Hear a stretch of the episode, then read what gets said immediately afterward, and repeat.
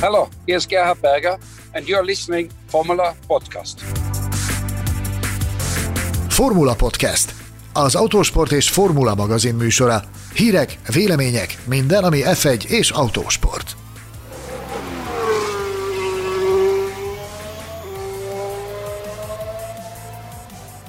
Hölgyeim és uraim, örömmel jelentem be, hogy ismét elcsíptünk egy Forma 1-es legendát, akit már nagyon rég szerettünk volna vendégül látni az adásunkban, de akihez elfoglaltság tekintetében szinte a legnehezebb közel kerülni.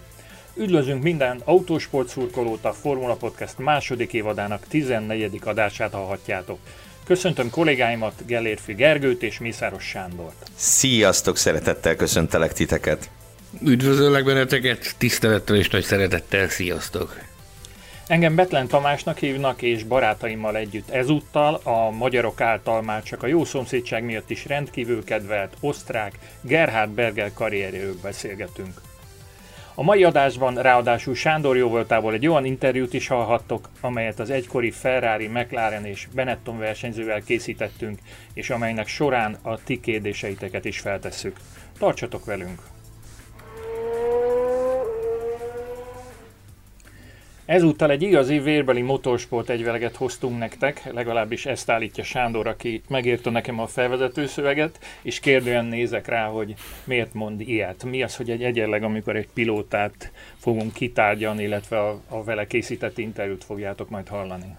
Nagyon nehéz Gerhard Bergerről ö, úgy beszélni, hogy nem érintünk több sorozatot is. Ugye a Forma egy egyik legendájáról van szó, több nagy istálónál is versenyzett, fényes győzelmeket aratott, ugyanakkor megfordult a sportban, mint, mint vezető is, ugye a BMW sportprogramjának volt a, az igazgatója annak idején, illetőleg a Toro társtulajdonos is volt egy jó ideig, immáron pedig évek óta a DTM első számú vezetőjét tisztelhetjük a személyében, tehát ezt nem lehet mást mondani, úgy fogalmaztam meg egészen pontosan, legyünk pontosak azért, úgy fogalmaztam meg a felvezetődet, hogy egy vérbeli motorsport egyveleget hoztunk, aminek a középpontjában egy bizonyos személyiség áll, Gerhard Berger.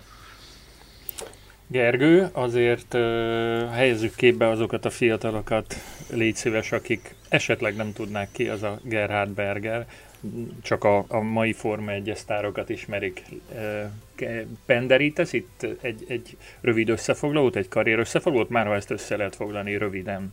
Nem, nem lehet röviden összefoglalni, de megpróbálom a, a sarokpontokat kiemelni. Talán onnan kezdve, hogy a, hogyha ugye csináltunk nem is annyira régen, nyáron talán, egy olyan listát, hogy az elmúlt 20-25 év 10 legjobb olyan versenyzője, aki nem lett világbajnok. Hogy itt egy kicsit szélesebb idő intervallumról beszéltünk volna, akkor Gerhard Bergernek ennek a listának valahol nagyon-nagyon az elejében lett volna a helye. Én azt hiszem, hogy a, a Formula 1 történetének egyik kiemelkedő olyan alakjáról beszélünk, aki nem érhette el a világbajnoki címet. Nem érhette el, így fogalmaztam, és ez ugye mindeneket annak köszönhető, mert a, a Formula 1 extra klasszisokkal talán leginkább túlterhelt időszakában versenyzett ő, hogy így fogalmazzak. Hiszen ugye a karrierje első felében a riválisok között ott volt Ayton Senna, Ellen Prost, Nelson Piquet, Nigel Mansell, és akkor később ugye még csatlakozott, úgymond csatlakozott ehhez a társasághoz Mihály Schumer és Damon Hill is, egy borzalmasan erős ö, mezőnyben kellett, hogy helytálljon, és helyt is állt, amit mi sem bizonyít jobban, mint hogy a karrierje legelejét leszámítva gyakorlatilag ő kizárólag élcsapatoknál versenyzett. A Benetton, a McLaren és a Ferrari az a három csapat, amelyhez a karrierje legnagyobb része köthető. Ugye előtte szerepelt ő az ATS-nél és az Eróznál, de hát ez tulajdonképpen még csak a, a karrier fölvezetése volt, de aztán amikor az érdemi rész elkezdődött, akkor, hogy más nem mondjunk, a Benetton istálónak ő szerezte meg az első futamgyőzelmét, sőt nagyon különösen alakult a történet, hiszen több mint tíz évvel később az utolsó Benetton győzelmet is ő szerezte meg, úgy hát a két időpont között egy bizonyos Mihály Schumacher elég sok győzelmet szerzett azzal a Benettonnal, és világbajnoki címeket is, de Berger ilyen formán keretbe foglalta ennek a csapatnak a, a sikereinek a történetét. ugye csapattársa volt neki többek között Ayton Senna is, de a leg Ö, talán, talán még Szennánál is nagyobb vagy emblematikusabb párost alkotott ő korábbi szeretett vendégünkkel, Jean Alézivel, akivel ugye a ferrari és a Benettonnál is együtt szerepeltek éveken át. Én pont ö, ugye akkor, amikor elkezdtem Forma 1-et nézni, akkor ők együtt versenyeztek, és onnantól kezdve jó pár évig együtt versenyeztek, és számomra egy ilyen, egy ilyen őrületes nosztalgiát kelt az a, az Alézi Berger páros, így ez a két versenyző együtt, akik tényleg egyikük sem feltétlenül érte el azt, amire a tehetsége feljogosította volna, de mindketten a, a 90-es évek nagyon nagy alakjai közé tartoznak. Egy picit ugorjunk vissza a leges-leges legelejére a történetnek, ugyanis Gerhard Berger is azon autóversenyző klasszis fazonok egyike, akik számára tiltott terület volt az autóversenyzés. Ugye a családnak nagyszabású szállítmányozási logisztikai vállalata van, és a papa eltervezte jó előre, hogy a fiacskája az gőzerővel csak és kizárólag a családi vállalkozásra fog ö, fókuszálni, de a jó Gerhard természetesen fittyet hányt erre, ahogyan azt nagyon sokan mások is megtették a az autosport történelmébe. Ahogy egy honfitársa, Niki Lauda is megtette, tehát volt előtte jó példa, ugye? Bizony. Osztrák, osztrákok között is. Hát csak, hogy a vendégeink közül csemegizzünk, ugye Nelson Piqué számára is tiltott terület volt a, a, az autosport, szóval ezt ő úgy oldotta meg, hogy a, a saját megtakarított pénzéből kezdett el versenyezgetni. Ha emlékeim nem csalnak, megszerzett egy valami rommá tört Alfa Romeo-t, azt pofozta ki, és azzal kezdett versenyezni, majd ugye felcsillant előtte a Forma 3 a lehetősége, aztán pedig céges, család és privát kapcsolatokon keresztül közel került a BMW-hez, Ugye azok az autók, amikkel pályafutása elkezdetén versenyzett, azok BMW motoros versenyautók voltak, és ugye ez a kapcsolat ez végig kísérte neki a pályafutását, és tart egészen a mai napig is, ugye a, a BMW eh, kitartott egészen a végsőkig a DTM mellett, úgyhogy hát egy, egy hihetetlen sztori az övé, viszonylag későn is kezdett versenyezni, e, és tényleg megjárta a Tolnát, Baranyát, volt túrautózott párhuzamosan a Forma 3-mal, de talán még a Forma 1-es, első Forma 1-es szezonjában is versenyzett talán túrautókkal, hogyha emlékeim nem csalnak, te erre biztosan jobban emlékszel, Gergő, úgyhogy Gerhard Berger egy igazi mindenhája megkent személy, akinek borzalmasan sok tapasztalata van az autóversenyzéssel kapcsolatban. És azt is ki kell emelni, hogy itt a karrierjéről beszélgetünk, hogy ő tudott visszavonulni. Valamelyik réges-régi adásunkban beszélgettünk erről, hogy hogyan kell visszavonulni, meg melyik az a pont, amikor érdemes.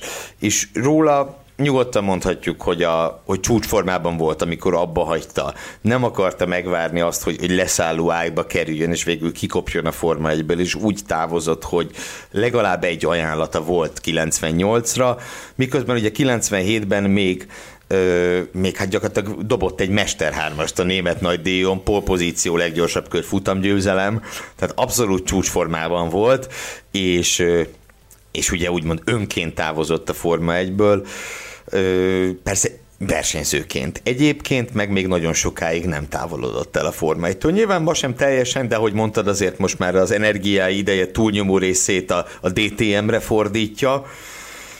Ettől függetlenül, hát mint az interjúból is kiderül, nyilván Forma 1 illetően is teljesen parti képes a mai napig, hogy is ne lenne az.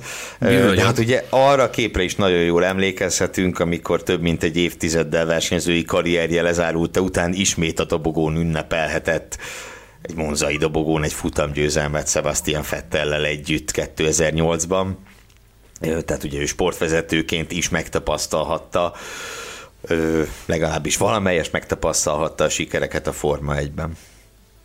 És mi ez a hatalmas elfoglaltság, amiről már a felvezetőben is szót ejtettem, hogy illetve hát ezzel mind, mindannyian, mind a hárman szembesültünk, hogy rettentő sokat kellett várni erre az interjúra. Hogy lehet, hogy egy, egy Forma egyet már régen elhagyó sztárnak nincs ideje egy nyilatkozatra? Ugye épp föl, föl kell támasztania épp egy versenysorozatot, és nagyon jó úton halad felé.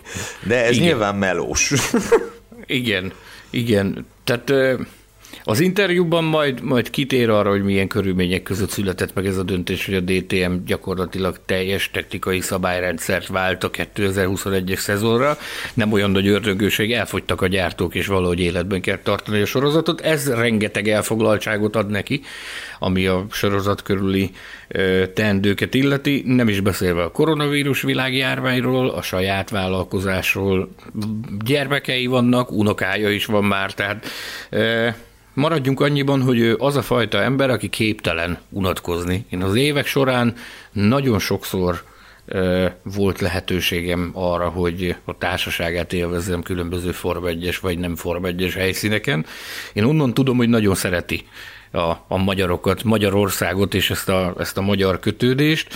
Úgyhogy amikor fölvettem vele a kapcsolatot, hónapokkal ezelőtt, csont nélkül természetesen igen mondott arra, hogy jön boldogan, nagyon szívesen, csak találjuk meg rá a megfelelő alkalmat. Na most ugye utána nekünk is voltak azért zsúfoltabb időszakaink, meg éveleje volt, meg ünnepek voltak, meg mi egymás, aztán végül eljött az az idő, amikor, amikor rácsaptunk az asztalra, hogy na, akkor találjuk meg azt az alkalmat, amikor le tudunk ülni beszélgetni. Ki is tűztük az időpontot, tehát az pontosan a menetrendjében volt szabad másfél óra, ő maga is azt mondta, hogy ez tökéletesen alkalmas lesz arra, hogy az égvilágon mindent kitárgyaljunk, úgyhogy az volt a javaslatom, mert felvetettem, hogy szeretnénk hallgatói kérdéseket is, hogy hallgatók által szóba hozott témákat is megvitatni. Azt mondta, hogy ez a másfél óra, ez tökéletes lesz arra, hogy, hogy ezeket a témákat kitárgyaljuk.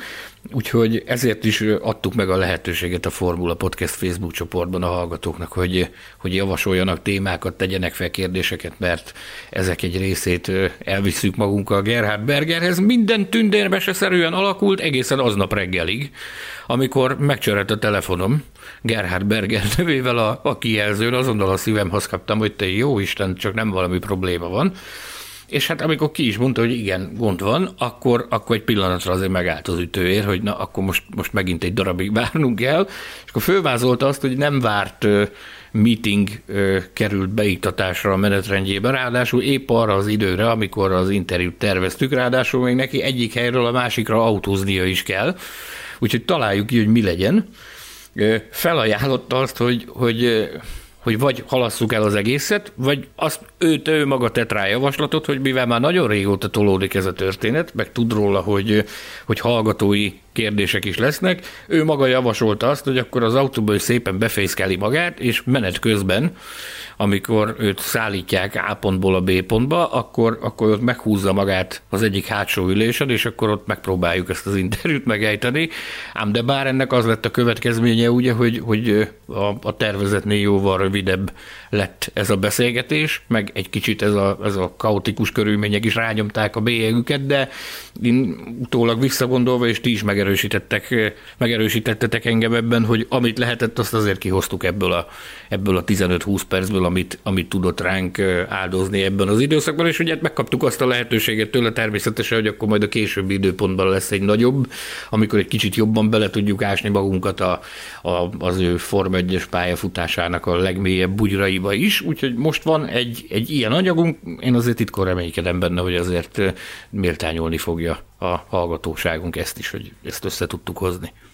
Azt hiszem, hogy abban mindhárman megegyezhetünk, hogy a DTM-hez fogható sorozatból nem sokat adott a világ a motorsportok kedvelőinek.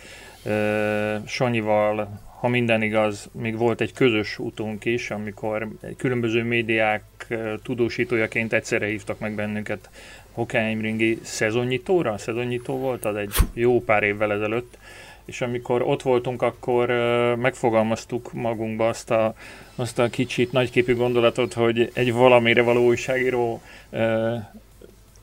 az, az el kell, hogy mondhassa magáról, hogy ő, hogy ő ott van a DTM szezonnyiton, szóval olyan időket éltünk akkoriban, illetve korábban is, hiszen azt a, a TV közvetítésekből, meg az újságokból láttuk, hogy iszonyat embertömeg volt kíváncsi ennek a három elit márkának a küzdelmére, amely eh, akkoriban nagyobb részt még ugye Németországon keresztül Németországot járta keresztül Kasul, aztán eh, betette a lábát szépen lassan több országra, többek között ugye Magyarországra is. Erről fogunk hallani a beszélgetés során, hogy uh, mi a jövő És hogy miért tűntek el Magyarországról? Patriótaként, patriótaként nem tudtam megtenni azt, hogy ne kérdezzek rá, hogy van-e ilyen terv. Nem boncolgattuk, mint mondtam, ugye azért kutyafuttában készült a beszélgetés, de természetesen ezt, ezt nem lehetett kihagyni, ezt a kérdést. Akkor még, én, még visszamennék egy picit, tehát, hogy a 80-as, 90-es években ugye a DTM-et népszerűség szintjén egy szinten szemmagasságba emlegették a Form 1 tehát elképesztő nevek, elképesztő márkák, elképesztő versenyek voltak. És ez, ez tulajdonképpen még a közelmúltban is ilyen óriási közösség csalogató látványosság volt. Tehát voltunk együtt is ilyen versenyen, Tamás.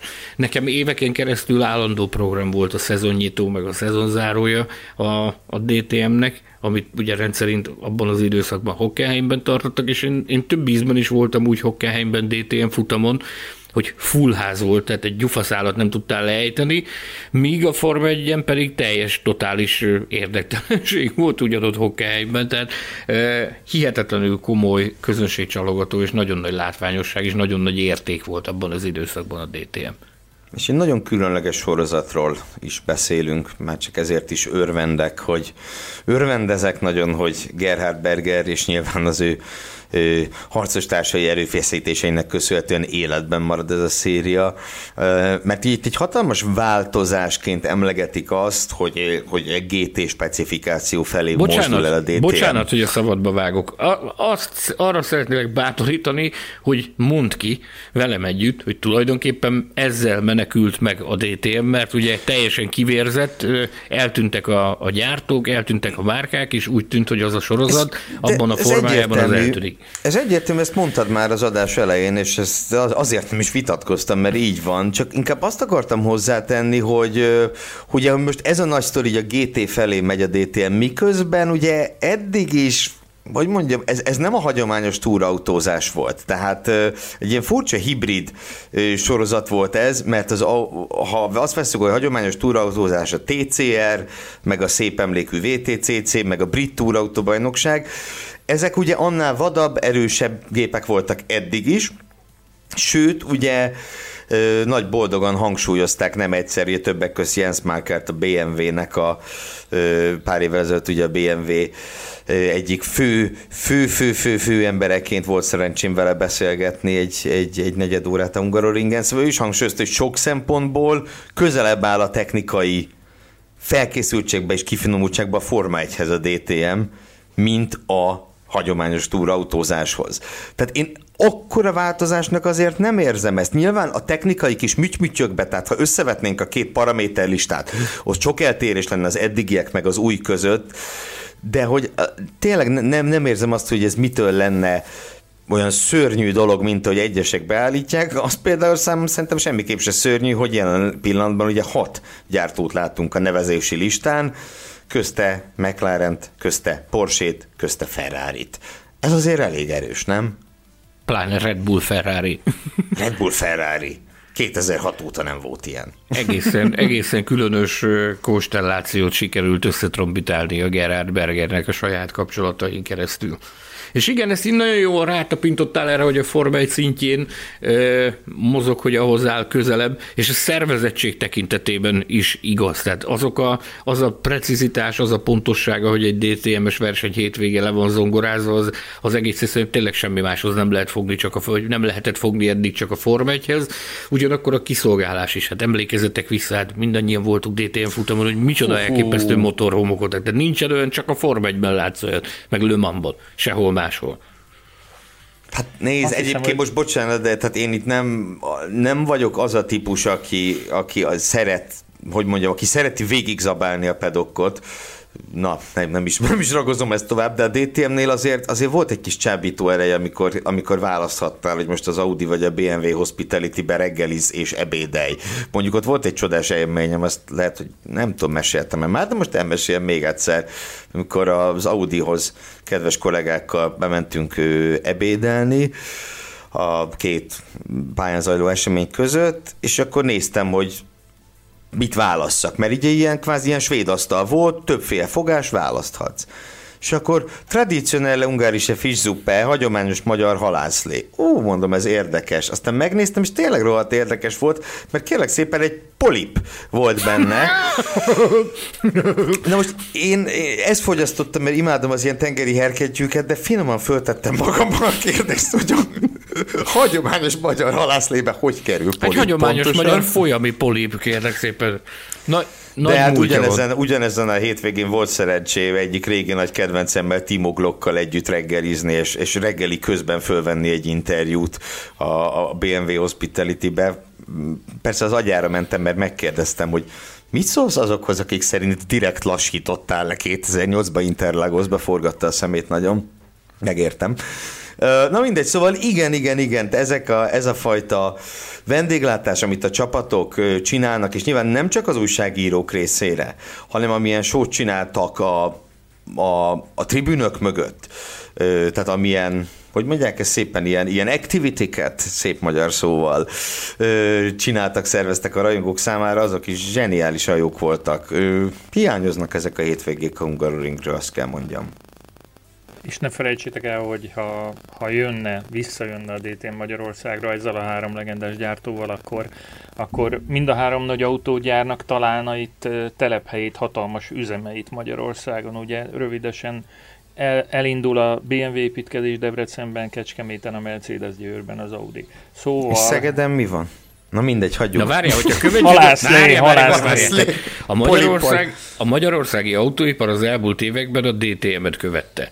Ugye van Audi, van Mercedes Magyarországon, és jön a BMW. Akkor ez azt jelenti, hogy most irányt váltott a DTM, akkor az azt jelenti, hogy jön a McLaren, jön a Ferrari, Meg a Porsche. meg a Porsche Magyarországon. Magától értetődik, Gyerekek, barátom. Ennyi. Kézenfekvő. Szerintem ne csigázzuk tovább a hallgatóink idegeit halászlével és minden egyéb más hospitality érdekessége, hanem hallgassuk meg, hogy a DTM legnagyobb szakértője Gerhard Berger hogyan vélekedik a sorozat múltjáról, jelenéről és jövőjéről. Mennyire volt nehéz az utóbbi időszak, amíg a DTM eljutott ehhez a megoldáshoz? Solution. Well, it wasn't so difficult because Nos, annyira azért nem volt nehéz, mert már korábban elkezdtünk gondolkodni a technikai szabályok megváltoztatásán. Jobban mondva, nem is a megváltoztatásán, hanem azon, hogy adjunk hozzá még valamit, mondjuk a GT3-at. Pontosan azért, mert már megvolt az a gondunk, hogy nem volt elég a márka a bajnokságunkban. Az volt a cél, hogy több márkánk legyen, ennek a célnak az eléréséhez pedig ez az egyetlen út vezetett, a GT3-as szabályrendszer. Már korábban is gondolkodtam ezen, de aztán, amikor az Audi úgy döntött, hogy befejezik, ez egész egyszerűen logikussá vált. Nem volt más opció. Emiatt a döntést nagyon gyorsan meghoztuk. uh, quickly. What other new... Láthatunk esetleg más újdonságokat is a GT3-as szabályrendszer mellett? Well, first I have to say, because people like to say new or whatever. Először is tudom, hogy az emberek szeretik azt mondani, hogy új, de nem lesz itt semmi új. Egész egyszerűen változnak a technikai szabályok, ahogyan az már korábban is megtörtént a múltban mindenfelé, a motorsportban, a formautós sorozatokban és a DTM-ben is. Annyit mondhatok, hogy változatlanul marad a sprint formátum, a professzionális pilóták, de még a csapatok is ugyanazok maradnak. Maradnak Rosbergék, marad az ABT, és marad a többi csapat is, de csatlakozik hozzájuk néhány új különféle márkákkal. Annyit mondhatok, hogy szerintem a rajongók egy talán még jobb DTM-et láthatnak, hiszen láthatják a Mercedes-t, az Audi ellen, az Audit a BMW ellen, de jön a Red Bull Ferrari is. Új márkák jönnek, és úgy tűnik, hogy egy remek bajnokságunk lesz. It's gonna be it looks like it's gonna be a great championship. Do you already feel the Már most is lehet érezni valamilyen hatását a változások bejelentésének, mondjuk az üzleti oldalon? Nagyobb mondjuk az érdeklődés a szponzorok részéről és hasonlók? sponsors and, and things like that? No. Nem, a szponzoráció nagyon nehéz jelenleg, mégpedig a koronavírus miatt. Ennek semmi köze a DTM-hez, ez mindenkit érint, senki nem tudja, hogy mi lesz. Lesznek nézők, vagy sem. Ráadásul minden egyes vállalat igyekszik csökkenteni a kiadásokat a korona miatt. Nem egy könnyű feladat jelen pillanatban szponzorokat verbuválni, de ez nem csak a DTM esetében van így. A Formula 1-ben is ugyanez a helyzet. You know, a lot of fans Sok rajongó kérte tőlünk, hogy kérdezzük meg tőled. Véleményed szerint most, hogy GT3-as autók versenyeznek majd a DTM-ben, mi különbözteti majd meg igazán ezt a bajnokságot más GT3-as bajnokságoktól? the real difference compared to other GT3 racing series? There is no comparison because our GT3 format is the only Nem is szükséges az összehasonlítás, mert a mi GT3-as formátumunk az egyetlen professzionális sprint formátum a világon. Minden más sorozatban hosszú távúak a futamok. Na oké, van azért egy vagy két kisebb, de alapjában véve mindenki két pilótás, hosszú távú futamokat bonyolít. Ezeknek semmi köze a mi formátumunkhoz. A miénk teljesen egyedi, és azon leszünk, hogy egyedi is maradjon. and we keep it unique. It's a big news that Alex Albon will... Nagy hír, hogy Alex Albon a DTM-ben fog versenyezni közvetlenül a Formula 1 után, ráadásul más fiatal tehetségek is lesznek majd a bajnokságban. A cél az mostantól, hogy a DTM fontos mérföldkő legyen a pilóták számára az F1 előtt és után is? Before and after Formula 1? Always been like this, you know, if you look to the history, Tulajdonképpen ez mindig így volt. Ha felidézzük a múltat, mindig voltak olyan pilóták, akiknek F1-es múltja volt. Emlékszem Hakkinenre, Alézire, Coulthardra, ők új otthonra találtak a DTM-ben. Olyanok is voltak szép számmal, akik megfordultak a DTM-ben, és csak aztán kötöttek ki az F1-ben. Úgy gondolom, hogy ez két irányú utca, amit mindenki úgy használ majd, ahogyan szeretne. Van egy kérdésünk a magyar rajongóktól arra vonatkozóan is, hogy van-e esélyünk arra, hogy újra a Hungaroringen lássuk a DTM-et valamikor a közeljövőben? Uh, Jelen pillanatban nem. Per pillanat nincsenek ilyen terveink. A múltban nagyon jó kapcsolatban voltam a promóterrel, és mindig nagyon rajta voltunk azon, hogy menjünk Magyarországra. Én magam személy szerint ugyan imádok Magyarországra menni, de üzletileg egyszerűen képtelenség volt egyben tartani, szóval be kellett fejeznünk.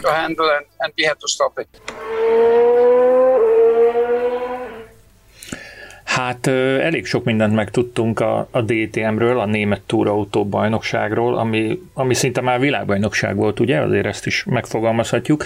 De akad-e olyan, amit, amire nem kaptatok választ, vagy mi az, amit, amit ti még szívesen hozzátennétek Gerhard Berger prezentációjához? Én inkább utóbbi irányból közelítenék, hogy mivel lehet kiegészíteni mindazt, amit elmondott, és mindenek előtt az szerintem, amit ki kell emelni a DTM-mel kapcsolatban, hogy versenyzői felhozatalt tekintve ö, egy elképesztően erős bajnokságról beszélünk. Van, ugye itt most nem tudom, kicsit belemennék egy témába.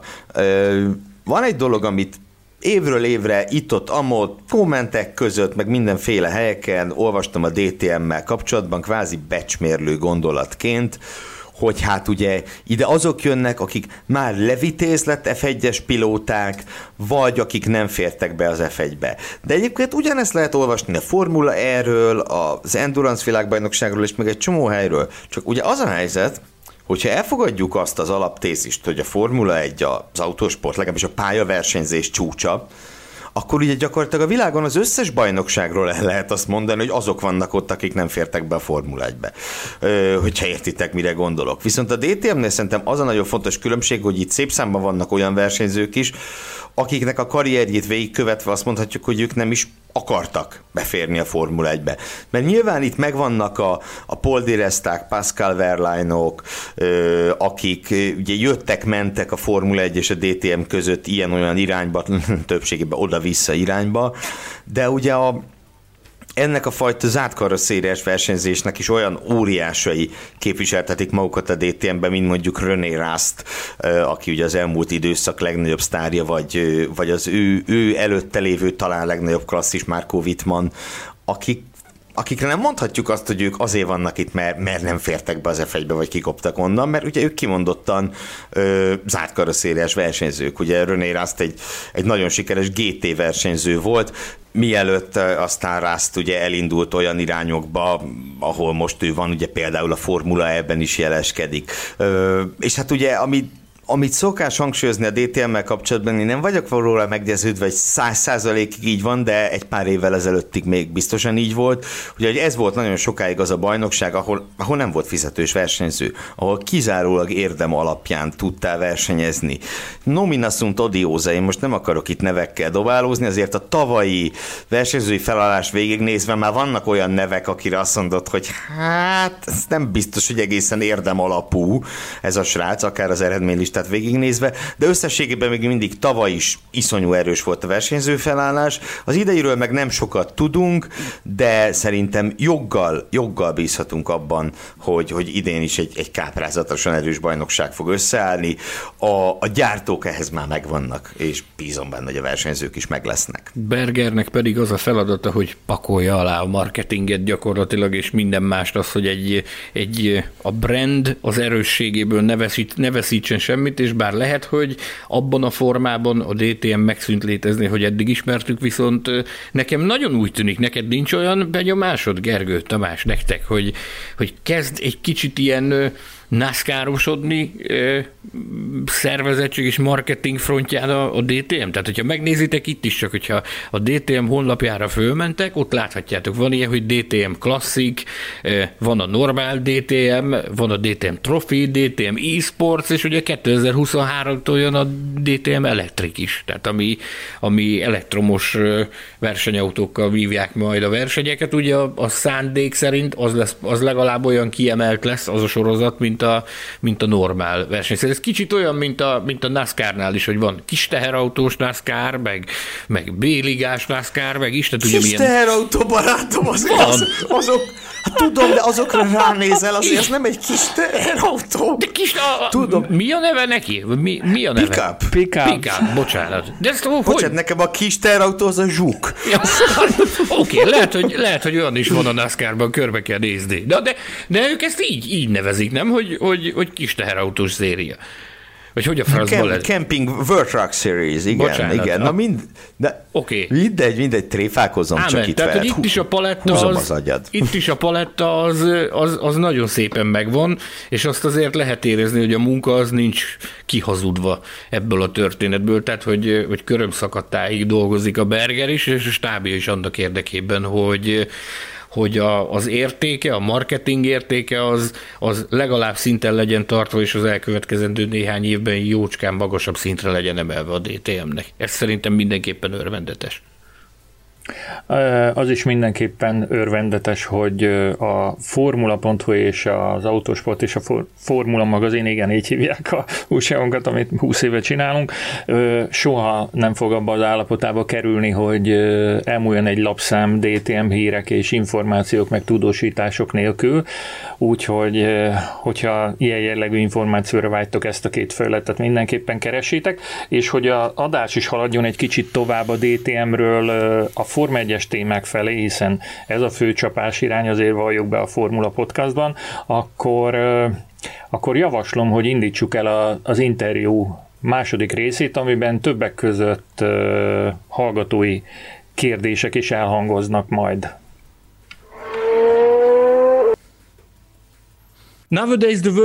Manapság a motorsport világa gyakorlatilag osztrák felségterület. Toto Wolf a Mercedes-nél, Helmut Marko a Red Bullnál vezérkedik, te pedig a DTM nagyfőnöke vagy. Ausztria miért ennyire sikeres a menedzsment oldalon a motorsportban? Mi a titok?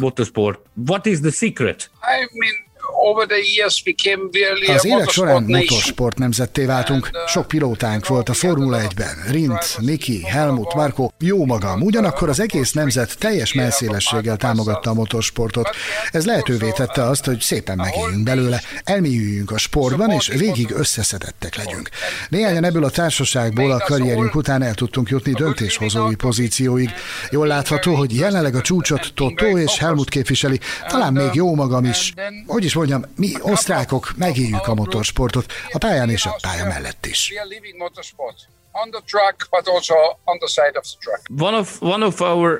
Az egyik rajongó azt kérdezte, Kult szerepet töltöttél be a BMW és a Toro Rosso F1 programjában, jelenleg pedig a DTM főnöke vagy. Mik a legfontosabb összetevői egy sikeres menedzsment pályafutásnak a motorsportban?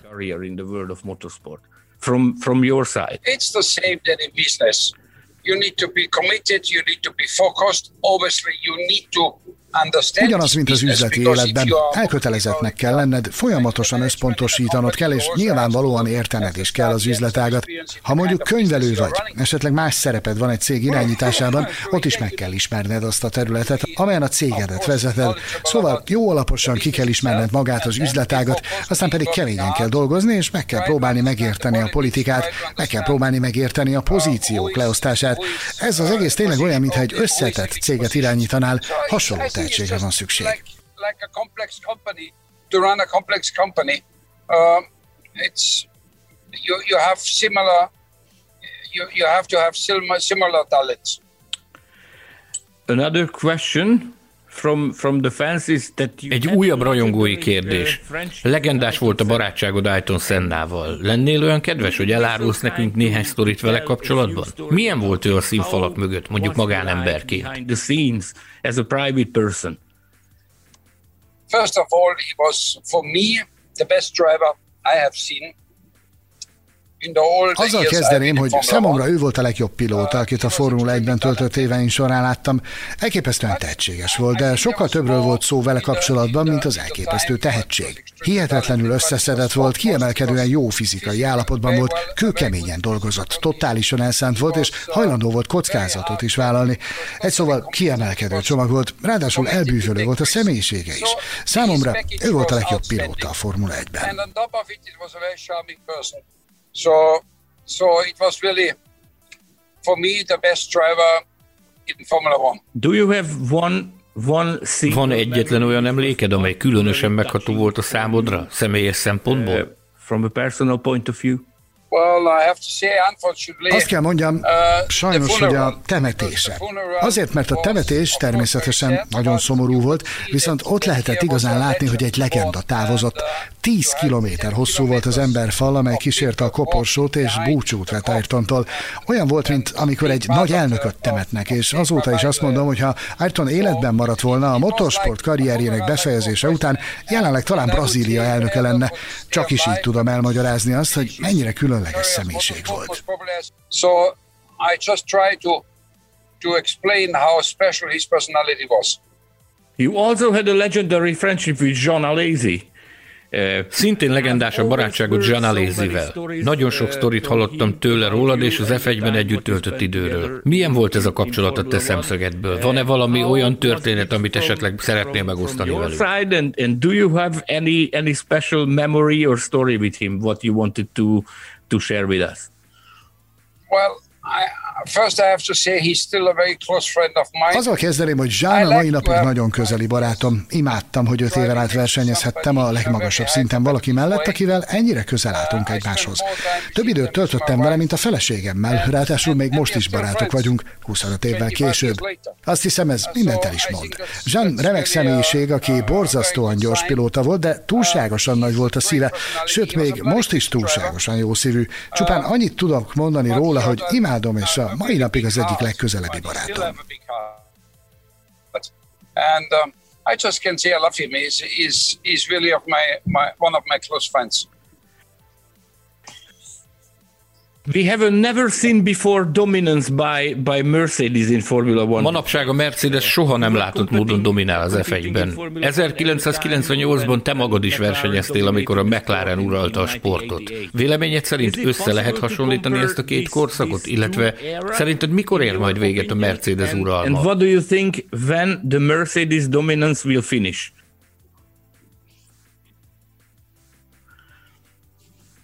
Well, you never I never like very much to compare Nos, jó magam soha nem szerettem összehasonlítani a korszakokat, mert minden érában számos különféle hatással kellett számolni. Mindig azt láttam háromszor vagy négyszer biztosan, hogy dominancia alakult ki. Ha visszatekintünk, ilyen volt például Mihály Schumacher és a Ferrari uralma, vagy például az említett 1988-as év, amely nagyon különleges volt a McLaren számára. Viszont az, ahogyan a Mercedes dominál jelenleg, az sokkal erősebb mindennél, mint amit bármikor láttunk eddig. Nem hinném, hogy ezt túlságosan jót tesz a sportnak, mert az esetek többségében a versenyek túlságosan kiszámíthatóak, és már jó előre tudható, hogy ki nyer. Másrésztről viszont komoly tiszteletet érdemel az, amilyen teljesítményt nyújt ez a mérnöki gárda, és amilyen teljesítményt nyújt ez a csapat. Tényleg csak annyit tudok mondani róluk, hogy fantasztikusak, de ugyanakkor nagyon remélem, hogy hamarosan más csapatok is nyerőhelyzetbe kerülhetnek. So I just can say fantastic, but I hope also that uh, other teams coming in a winning position zone. Mire számítasz 2021-ben, illetve egyetértesz-e azzal, hogy a 2022-es szabályok picit talán izgalmasabbá teszik majd a sportot? In Formula One you never can predict things az F1-ben soha semmit nem lehet megjósolni, mert mindig másképp alakulnak a dolgok, ugyanis ez a sport roppant összetett technikai fronton is, politikai fronton is. Amikor előre tekintesz és nagyon nagy meglepetést vársz, olyankor teljesen másképp sülnek el a dolgok. Úgy gondolom, hogy jelenleg Louis és a Mercedes kombinációja lesz az a csomag, amely mérce marad. And uh, Louis gonna be the package, the benchmark. 2022-vel kapcsolatban mi a sejtésed? Fog működni? Jó lesz ez az F1-nek? Azért bátorkodom megkérdezni ezt, mert nagyon sok dolgot megtapasztaltál az F1-ben. Igen, de tudod, amikor változások történnek, általában azt gondolod, hogy ez majd megoldja ezt és ezt a problémát, de aztán eljön az első tesztnap, és azonnal rájössz, hogy már megint újabb problémák vannak. Ezért mondom azt, hogy inkább várjunk és figyeljünk. A Ferrari pilótája voltál, amikor Zsantot csatlakozott a csapathoz. Hogyan emlékszel erre az időszakra? Lehetette érezni, hogy valami különleges készül Maranellóban az irányítása Maranello under the leadership of Jean. Igen, számomra teljesen nyilvánvaló volt. Jean megérkezett, és ellentétben azokkal, akik előtte voltak, azonnal, kora reggeltől késő estig dolgozott minden egyes napon. Kiváló képessége volt ahhoz, hogy az embereket kezelje, ráadásul jól tudta a problémákat is, mert tökéletesen beszélt olaszul. Ahhoz is kiemelkedően jó képessége volt, hogy összehozza a megfelelő embereket. Több embert igazolt például a Berettontól. A kérdésre a válaszom az, hogy igen, lehetett látni és érezni, hogy valami különleges jön, és ez csak idő kérdése.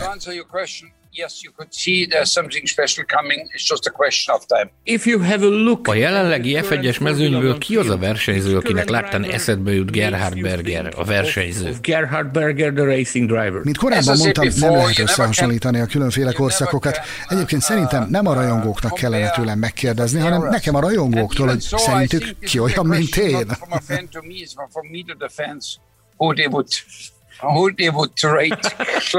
Megkérdezem tőlük. Megkérdezem tőlük, és küldöm majd a választ. The next one is, do you a következő. Emlékszel-e olyan ajánlatra, amit elutasítottál, de aztán később megbántad? Tudom, mert hallottam már tőled korábban, hogy szeretsz komplet csomagként emlékezni a karrieredre, és nem szeretsz bánkódni, de van-e valami, amire azt mondod így utólag, hogy uh, ezt tényleg megbántam? Oh, I regretted this. Yeah, I, I honestly, Őszintén mondom, utólag természetesen mindig mindent másképp lát. Annak idején a Williams-t kellett volna választanom. Nos, meg lehet, hogy sikeresebb lettem volna, de boldog voltam. Boldog voltam akkor, és boldog vagyok most is azzal, amit elértem. Szóval én ilyen vagyok, nem bánok semmit.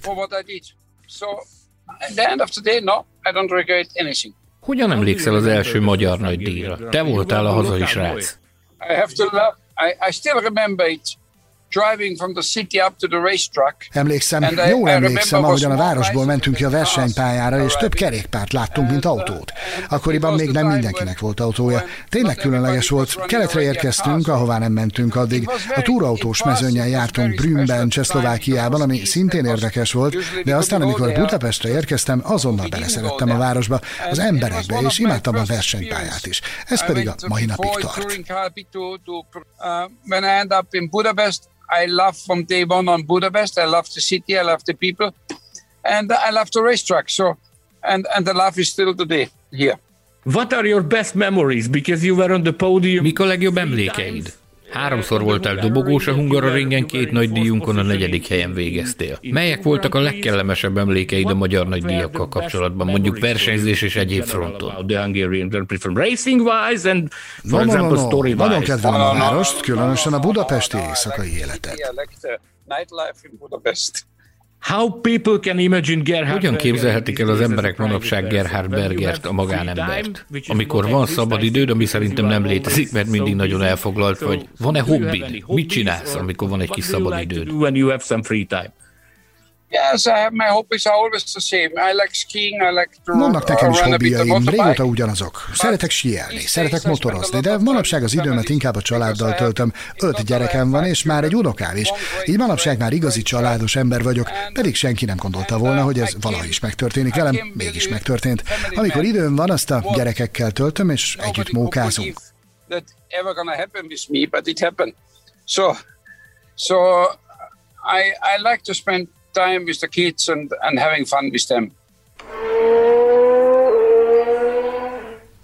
Talán annyi érdekességet elárulhatok, hogy a záró gondolat után nagyon nagy nevetésbe, nagyon nagy nevetésre zárult ez a beszélgetés. Ugye arra tett utalás Gerhard Berger, hogy bár senki nem gondolta volna rólam, hogy egy napon családos ember leszek, mégis, mégis ez megtörtént javaslom mindenkinek, hogy aki, aki hallotta, vagy nem hallotta még, az hallgassa meg a Beyond the Gridnek, a Form 1 hivatalos podcastnek az interjújában Zsadalézit, ahogy a konkrétan exakt módon kimondja, hogy Berger egy szexmániás volt. Ezzel kezdtem, amikor megkérdezte tőle Tom Clarkson, hogy, hogy milyen, uh, milyen ember a Berger, azt azzal kezdte, hogy szexmániás, ugye? Nagyon nagy, nagyon nagy nőfaló hírében állt. Mond.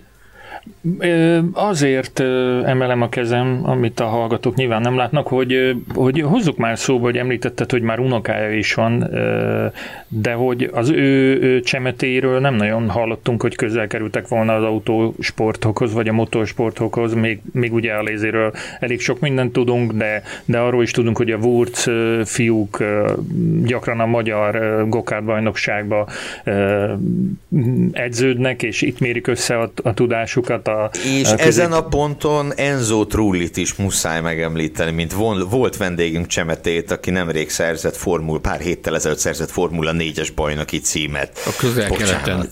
Enzo szóval, Trulli. Az élet a világon semmit nem tudok a, a Berger úr családi állapotáról, mármint hogy a gyermekei meg a unokái számát illetően, de hogy tudunk-e valamit arról, hogy próbálkoztak-e valaha versenysporttal, mármint hogy motorsporttal? Nem tudunk ilyenről. Hozzám legalábbis nem jutott el ilyen információ, pedig több ízbe is beszélgettünk erről. Azt, hogy unokája van, azt nem én mondtam, hanem ő maga mondta az interjúban, tehát e, de majd, majd, majd utána járunk ennek, ezt megkapjuk házi feladatba, hogy derítsük ki, hogy miért nem versenyeztek a, vagy versenyeznek a Berger csemeték. Én azt gondolom, hogy, hogy lesz még erre alkalom, hogy, hogy ezzel a kérdéssel szembesítsük. Kiváltképp annak fényében, hogy mint az interjúban is elhangzott, várja a Formula Podcast hallgatóinak az állásfoglalását azzal kapcsolatban, hogy mit gondolnak arról, hogy ő melyik jelenlegi Form 1 pilótára emlékezteti őket. Akik emlékeznek a versenyzői pályafutására, tőlük várja az állásfoglalást, hogy, hogy ki az, akihez őt hasonlítani lehet a jelenlegi ö, versenyzők közül, de szerintem a Berger az klasszikusan az a pali, akinél érdemes, érdemes elidőzni a, a a nem versenyző énjén is. Ugye a versenyzői oldal az nagyon-nagyon jó dokumentált.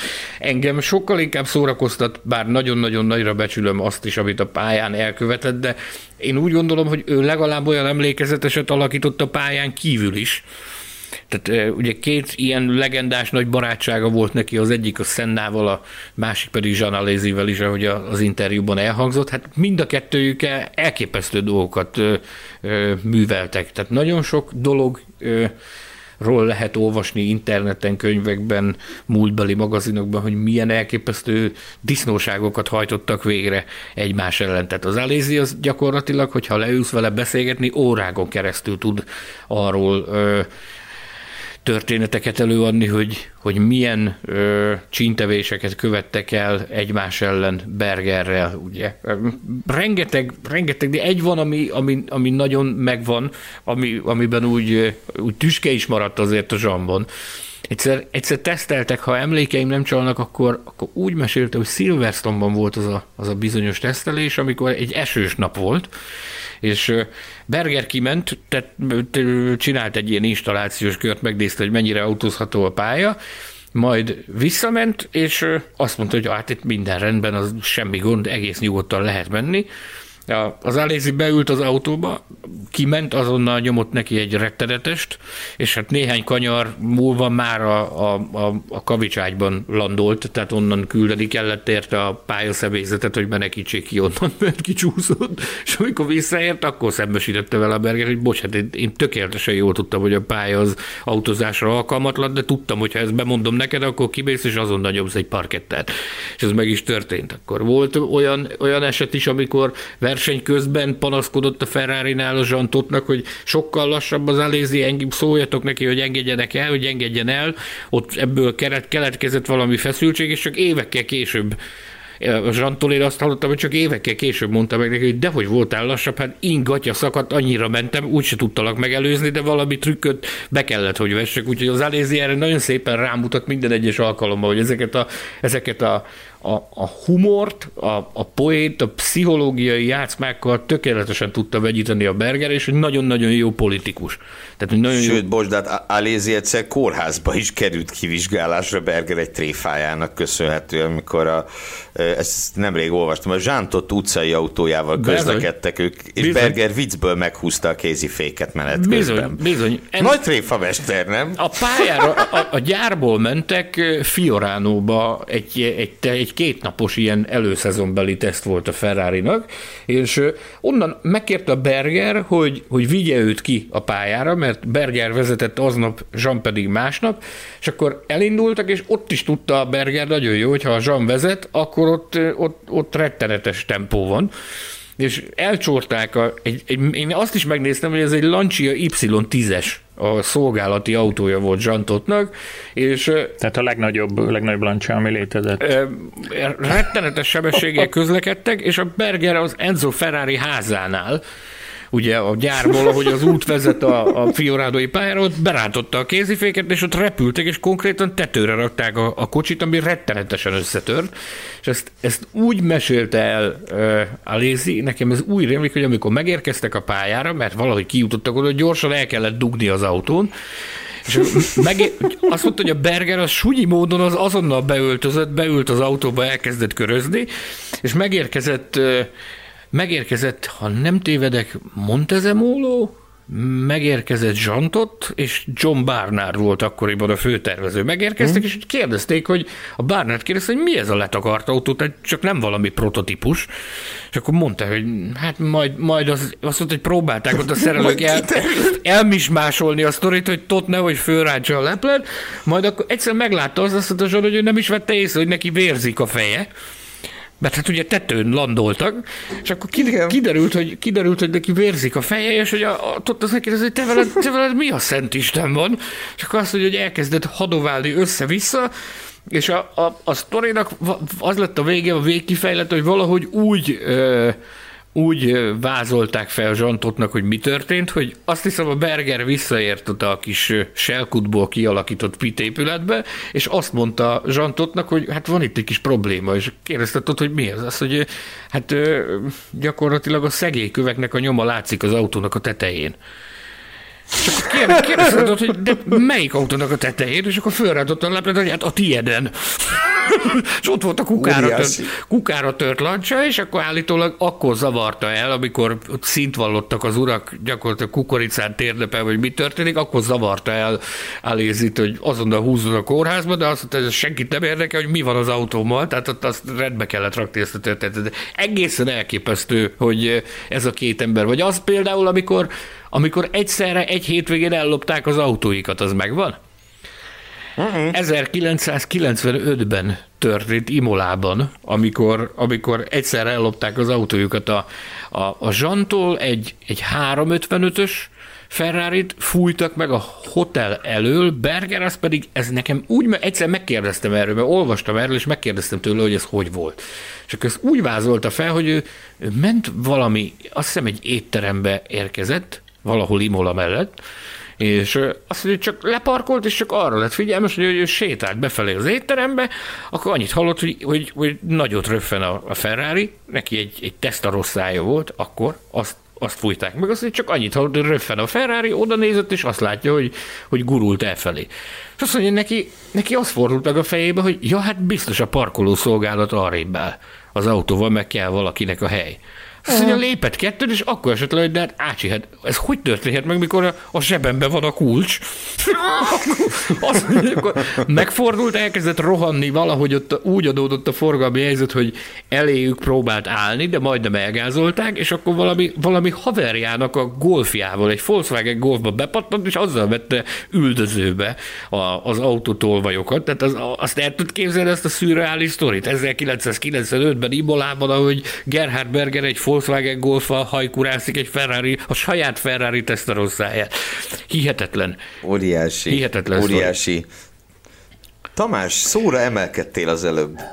Igen, igen, már régóta, régóta jelzek, de belegavajottatok a sztorikba teljesen, szóval nekem egyáltalán nincsen sztorim, annyi a sztorim, hogy Ez jó sztori volt, tetszett. 86-ban ugye az előző műsorban erről sokat hallottunk, hogy mi, vajon milyen indokokkal hozták Magyarországra a Forma 1 hogy az biztos szerepelt az indokok között, hogy rengeteg turista fog érkezni, és nyilván nem Angliából vagy Brazíliából, hanem a szomszédos Ausztriából, vagy esetleg Németországból elsősorban, és hogy abba biztos vagyok, ez az interjúban is elhangzott, hogy rengeteg rajongója van Magyarországon, és hogy, hogy a 86-os Magyar Nagydíjon azért neki volt a legtöbb szurkolója, hazai szurkolója az első magyar versenyem.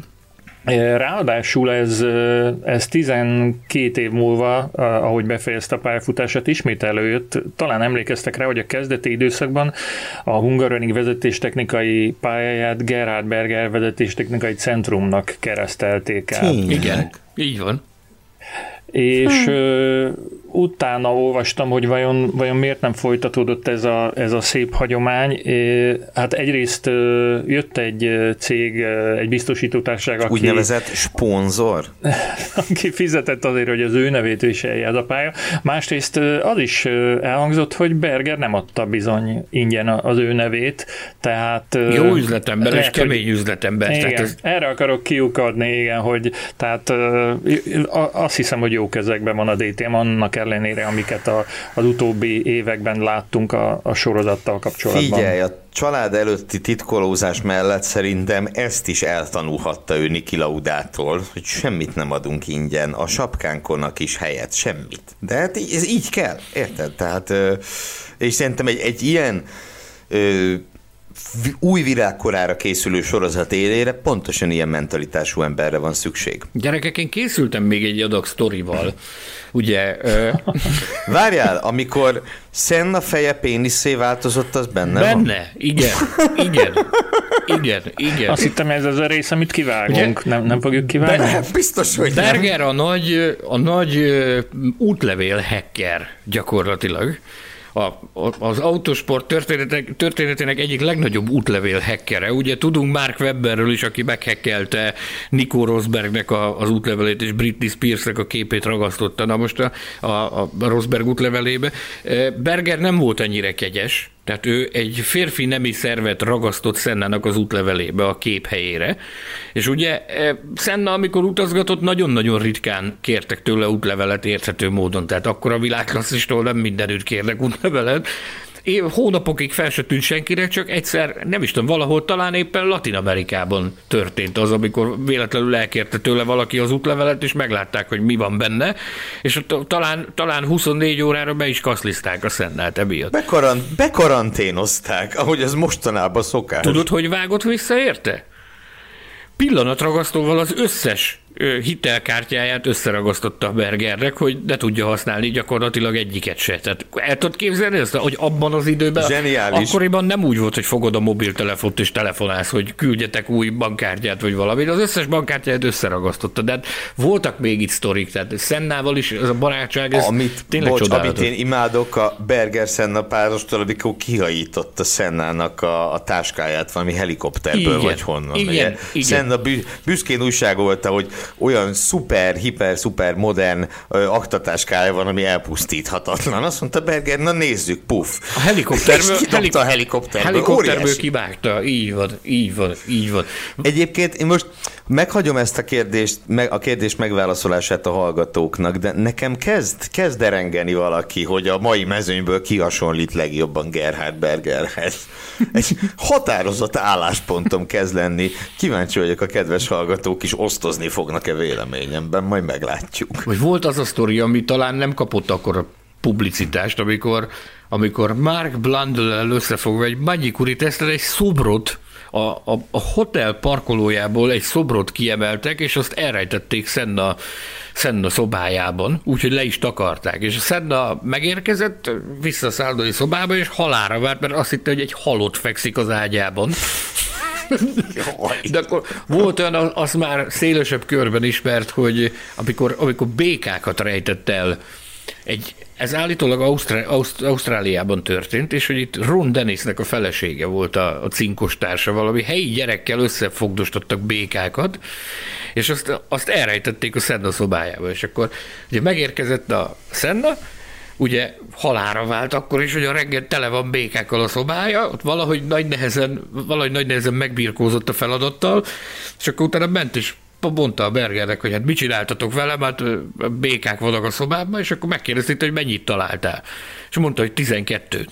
És ott, hogy csak annyit, akkor keresgélyével van még, ja, meg még van egy kígyó is.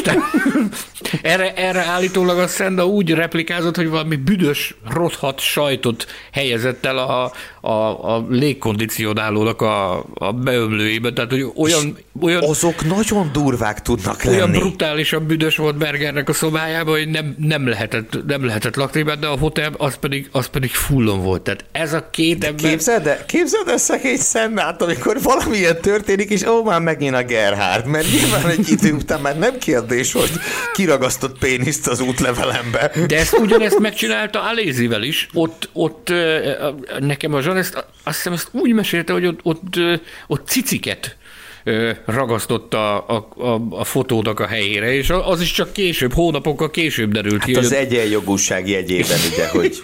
Volt, volt egy olyan is, amikor, amikor a, a Berger úgy terrorizálta a Szennát, ha nem tévedek, hogy tűzoltó slaggal telepumpálta a szobáját vízzel az éjszaka közepén. Vagy tűzoltó készülék, de valami, valami ilyen, igen, valami volt, hogy a Senna gyakorlatilag... Megpróbálta eloltani Szennát. Ki, kirepült Szenna az ablakon állítólag. Tehát az, el tudod képzelni, hogy micsoda micsoda, elképesztő, ezek, amiket tudunk. Gondolod, hogy mi történhetett ott, amit nem tudunk. Ez... Pont ez jutott eszembe, mert tudti, hogy nem, nem adták ki mindet. Elképesztő, oh. elképesztő forma. Én, én nagyon-nagyon szerencsésnek érzem magam, hogy, hogy ennek a párosnak mind a két tagjától rengeteg, rengeteg, rengeteg ilyen felidézett történetet hallhattam.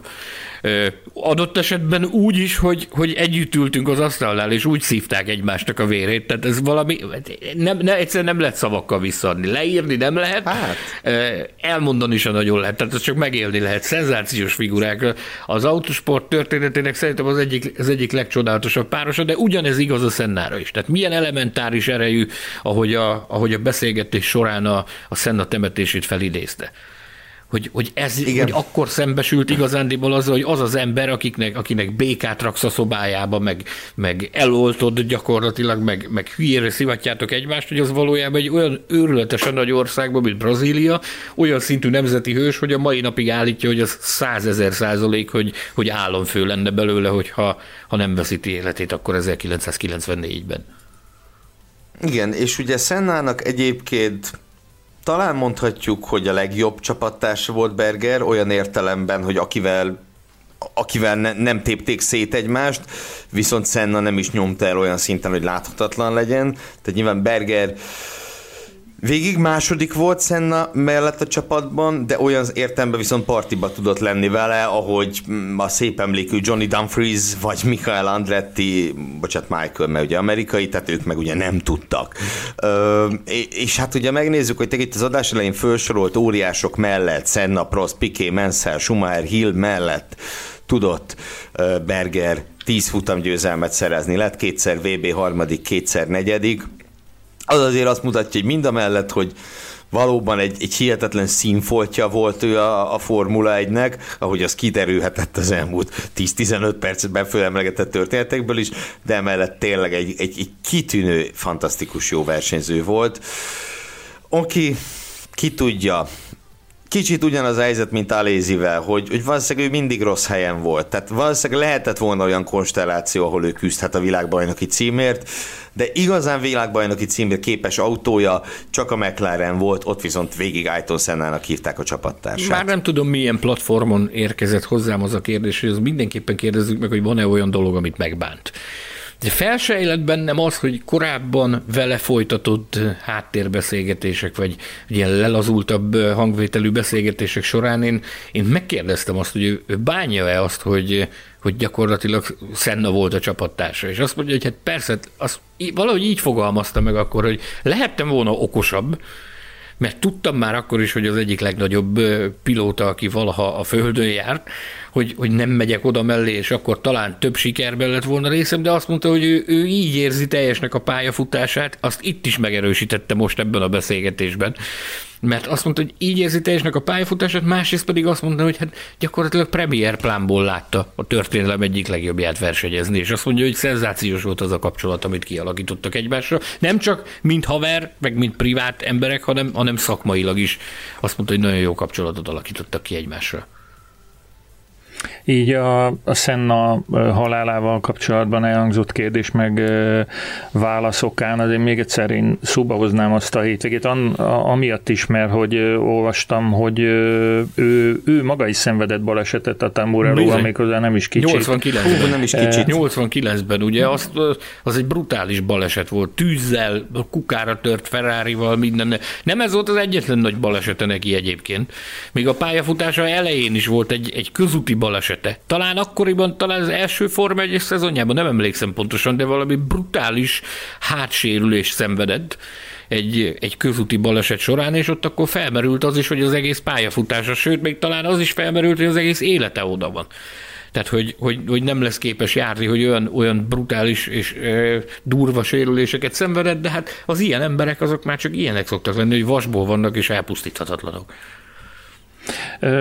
A gondolatot azért hoztam szóba, hogy elhangozzon még egy név, a Ratzenberger neve, aki, aki meg szintén ugye osztrák volt, és szintén azon a hétvégén vesztette az életét. Hogy elképesztő, hogyha visszagondolunk, hogy egy-két évtizeddel ezelőtt még milyen idők jártak a Forma 1-ben, és hogy pillanatnyilag hol tart biztonság szempontjából a, a Forma 1. Hát azt... a azt nézd meg, ha Bergernél maradunk, hogy ugye ő azon a hétvégén elvesztette az egyik legközelebbi barátját, elvesztette egy honfitársát, és aztán eltelt két hét, és jött Monaco, ahol ugye a másik osztrák, vagy a mezőny harmadik osztrákja, Karl Wendlinger szenvedett egy olyan balesetet, ami után szintén hát nem nagyon lehetett tudni, hogy mi lesz. Ugye végül felépült, de de azért akik látták előtte és utána mind azt mondják, hogy már nem, nem volt ugyanaz a versenyző. Én még ültem is mellette, képzeld el, Brünnben. Egy GT3-as Nissannal. Vagy nem GT3, gt és, gt és valami, valami nagy, nagyvérű Nissannal mentem vele. Egy nagy természetű nagy, Nissannal. Nagyon, nagyon nagy természetű Nissannal. Ö, szóval minden esetre Bergennek azok a hetek, azok különösen különösen megterhelőek lehettek, és hát ugye ott a, valóban az osztrák autósportnak az, azok a hetek, tehát az egészen sokkal, ugye a három Form 1 versenyzőjük közül e, két héten belül az egyik meghal, a másik pedig életveszélyes sérüléseket szenved. Ja, hú, valami vidámabban fejezzük be. Vidámabban fejezzük be, tehát én nem tudom, mondom, én ültem, mert nem tudom melyik év volt, 2000 7-8-9 fogalmam Mármint Wendlinger vagy Berger? Amikor Wendlinger mellett, Wendlingerrel mentem ezt az élménykört.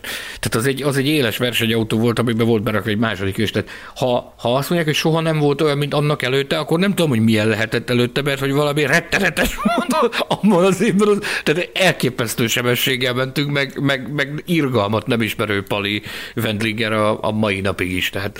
Hát nézd, ugye a legendárium úgy tartja, hogy a, a, a három ifjú Zauber Mercedes tehetség, Schumacher Frentzen és Wendlinger között ő volt a, legnagyobb ő volt a legtöbbre hivatott. Ezt, én, uh-huh. ezt, én ezt több korabeli forrástól is hallottam már ezt, akik akkoriban... Nyilván nem. Most ebből nem kell arra következtetni, hogy ő is hétszeres világbajnok lett volna, de de ki tudja, lehet, hogy ennél többet ért volna le Form 1 ha nincs ez a monakói baleset. Na de, Tamás, mondj valami jót. Ö, azzal kellene szerintem zárni ezt a műsort, ha már a műsoridőnk végéhez közeledünk. Imádom a műsoridőt. A podcast univerzumban a műsoridő fogalma hogyha valami, valamilyen csúnyavok miatt nem múlna el a, a, ez, a, ez a pandémia, de, de már rendezhetnénk gálát, és csak valami közeli országból hívhatnánk vendéget, és csak személyautóval érkezhetne, akkor... Ja, és még egy kitétel, és ha nem kérne túl sok pénzt, akkor, akkor okvetlenül Gerhard Bergát kellene a, a decemberi top 50 magyar autóversenyző gála díszvendégének meghívni. Egy Nekem más terveim vannak, de akár Bergert is meghívhatjuk, tehát ezen, ezen, ezen nem múlhat. Tehát. Meg abban bízunk, Tamás, hogy még nagyon sok ilyen gála lesz, nagyon sok évig lesz ilyen gála, úgyhogy az összes terv sorra kerülhet. De az biztos, hogy én nagyon-nagyon szívesen látnám egy budapesti, vagy szegedi, vagy kistokai, vagy balkányi színpadon Gerhard Bergert mosolyogni és integetni. Maradjunk annyiban, mint ahogy az interjúban is elhangzott, és amit tapasztaltam ebből, vagy láttam korábban, hogy Gerhard Berger nagyon szereti Budapestet, és nagyon szereti a budapesti éjszakai életet, ahogy ő fogalmazott, ez a mai napig megvan ez a szokása neki, hogy, hogy ezt imádja. Ugyanakkor én még szeretném főhívni a hallgatók figyelmét, hogy fogunk kreálni egy posztot a Facebook csoportban, a Formula Podcast Facebook csoportban, ahol igenis nyilvánítsatok véleményt, hogy szerintetek melyik mai versenyzőhöz lehet hasonlítani Gerhard Bergert, mert nekem feltett szándékom, hogy tájékoztatom majd az eredményről. Így legyen, így legyen, én pedig akkor egy másik szolgálati közleménnyel zárom a magam részéről, mégpedig az, hogy azzal, hogy a jövő héten két különleges adással érkezünk. Egyrészt március 8-án a Nemzetközi Nőnapon stílszerűen a hölgyversenyzőkről fogunk beszélgetni, úgyhogy ez lesz a nőnapi különkiadásunk. Március 13-án szombaton pedig megünnepeljük a Formula Podcast egyéves születésnapját, egy születésnapi különkiadás, kiadással, és aztán mivel itt egymást követi két külön kiadás, utána teljesen hagyományos adásokkal rá fogunk fordulni a szezon kezdésre, úgyhogy ezt követően, a jövő hetet követően immár csak is az előttünk álló szezonnal, valamint a Bahreini nagydíjjal fogunk foglalkozni. Köszönjük, hogy megint velünk tartottatok, kérjük ajánljátok barátaitoknak, ismerőseiteknek, barátnőiteknek és a podcastünket Spotify-on és a többi netes lejátszó fölötten találjátok meg, ha keresitek. Csatlakozzatok a Formula Podcast Facebook csoportjához, várjuk a kérdéseket, kérdezzetek tőlünk e-mailben is, a címünk podcastkukacformula.hu, és ha bárhol szóba kerülünk, nem olasszátok kell használni a Formula.hu podcast hashtaget.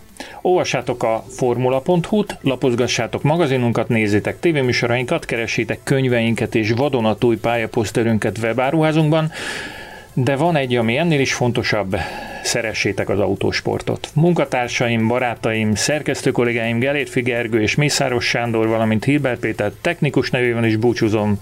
Pár nap múlva megint találkozunk. Várunk benneteket, sziasztok! Hello, here's Gerhard Berger and you're listening Formula Podcast. Formula Podcast. Az autósport és formula magazin műsora. Hírek, vélemények, minden, ami F1 és autósport.